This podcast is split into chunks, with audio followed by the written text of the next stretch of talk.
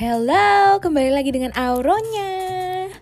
Hari ini kita mau bahas tentang I'm on the next level Espa. Oke, agak gimana gitu ya. Tapi emang gue tuh ngefans banget banget banget banget sekarang sama Espa.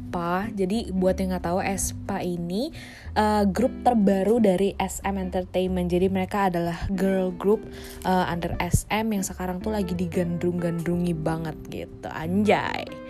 Nah, jadi gue hari ini mau bahas tentang uh, comebacknya mereka.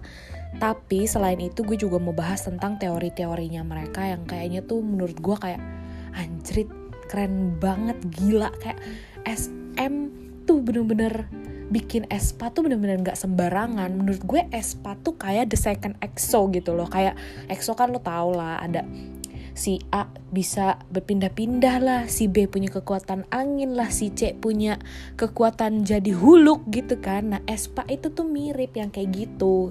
Jadi kayak konsepnya kayak superhero superhero gitu tapi lebih gimana ya?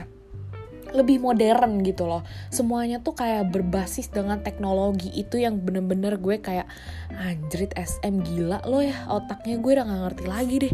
Udah keren banget banget banget gitu kan. Nah jadi intinya si Espa ini uh, mereka beranggotakan empat orang jadi ada Karina, Winter, uh, Ning Ning sama Giselle. Nah gak cuma empat orang ini jadi mereka tuh punya apa ya bilangnya ya kayak visionary member gitu atau bilangnya kayak apa ya? Kayak avatarnya mereka lah nah namanya tuh E gitu lah.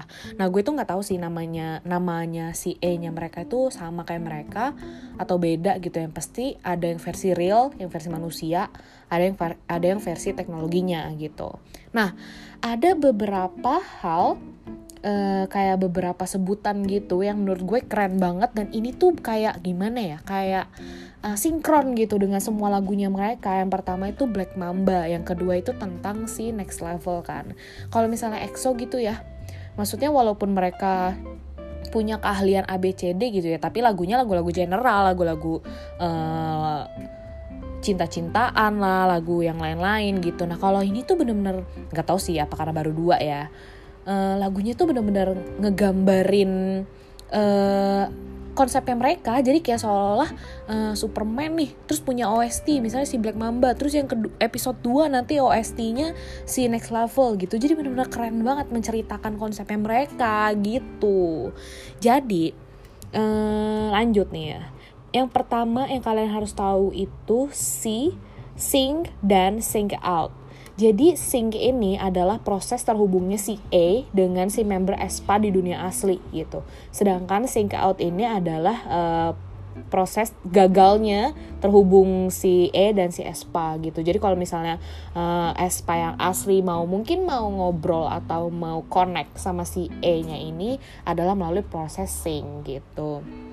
Nah, ada juga nih kalau misalnya kalian tahu di lagunya Black Mamba yang awal-awal itu si Ning Ning itu apa partnya Winter gue lupa. Yang dia tuh uh, ada liriknya kayak gini.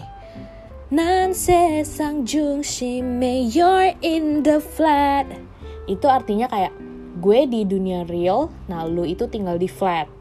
Nah jadi flat itu tempat di mana E tinggal gitu. Jadi dunianya si E itu adalah namanya flat, sedangkan mereka ini tinggal di dunia di bumi lah istilahnya gitu. Nah ada satu tempat lagi uh, yang namanya tuh Kwangya. Jadi Kwangya ini dunia lain. Menurut gue ya, menurut gue nggak tahu sih. Kwangya ini adalah tempat tinggalnya si Black Mamba gitu. Nah Black Mamba ini siapa? Jadi gue ngerasa ini teori gue ya, teori sotoy alias sok tahu super mampus gue. Jadi uh, si Espa dan E dan teman-temannya ini punya musuh uh, namanya tuh Black Mamba gitu. Nah, tempat tinggalnya Black Mamba itu di mana? Itu di Kwangya. Jadi mungkin Kwangya itu kayak semacam uh, gimana ya bilangnya kayak semacam nerakanya gitu lah isinya tuh dakjal dakjal gitu mungkin kalau misalnya kita gampangnya biar kebayang kayak kita punya ini nih di dunia kita punya Avengers nih. Nah terus ada tuh si Thanos hidup di dunianya dia gitu. Nah si Thanos nih gaguk kita nih.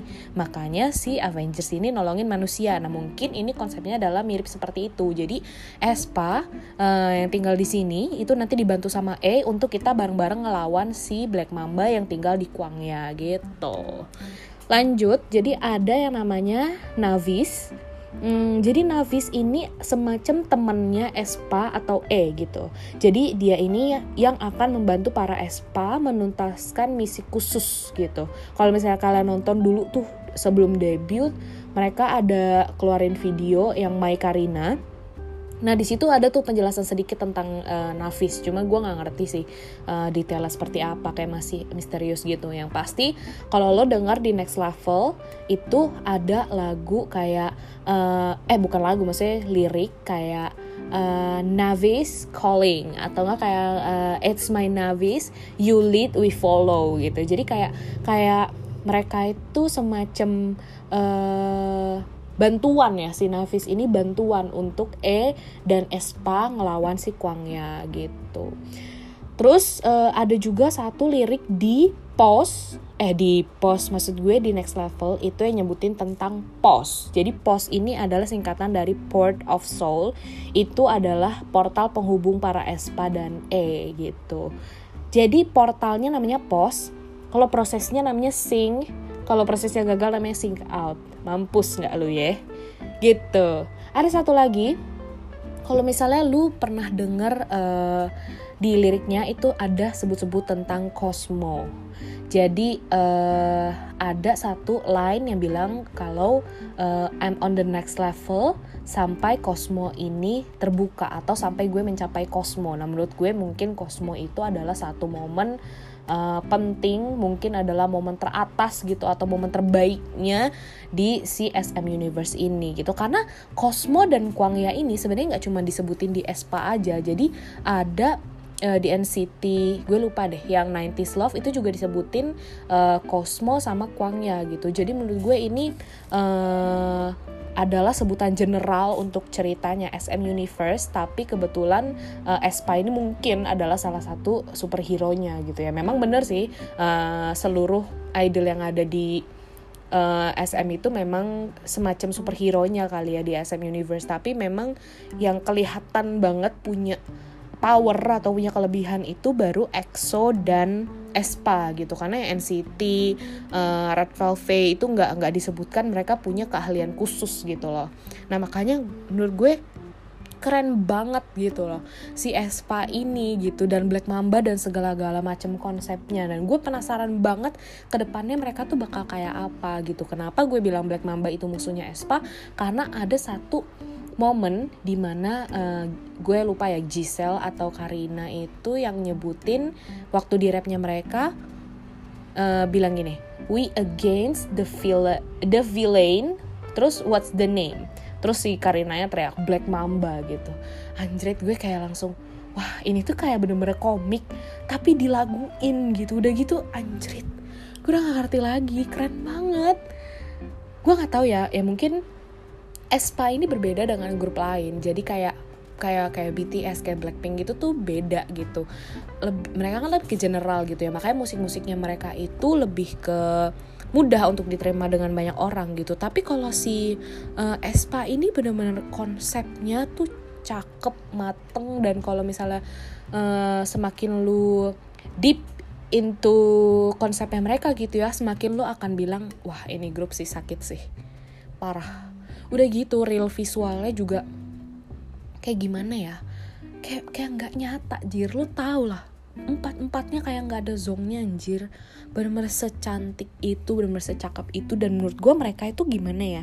Kayak idol yang lumayan real gitu nggak yang menye-menye nggak yang cantik gitu. Karena eh, nggak uh, tau kenapa gue melihat si SM ini makin ke sini makin uh, menyesuaikan dengan tren gitu ya mungkin sekarang mereka tuh lihat tren uh, yang disukai orang tuh estetik yang gaul yang chill gitu kayak cici-cici jaksel gitu kan jadi mereka udah ubah tuh konsep ke yang cute, yang innocent, yang kayak SNS di zaman dulu itu mereka udah nggak lebih ke yang savage, yang estetik, yang kayak gitu. Dan itu gue bener-bener keren banget, bener-bener parah.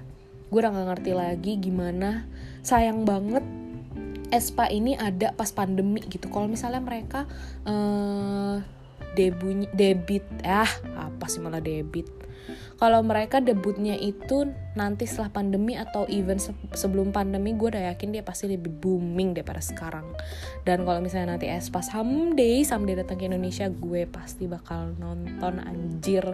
Keren banget guys. Lo lo semua nih yang udah tahu Espa atau yang belum tahu Espa lo harus ikutin mereka karena gue yakin ke depan yang mereka bakal lebih keren lagi gitu Jangan lupa stream dan nonton Next Level setiap hari, setiap saat. Oke, okay?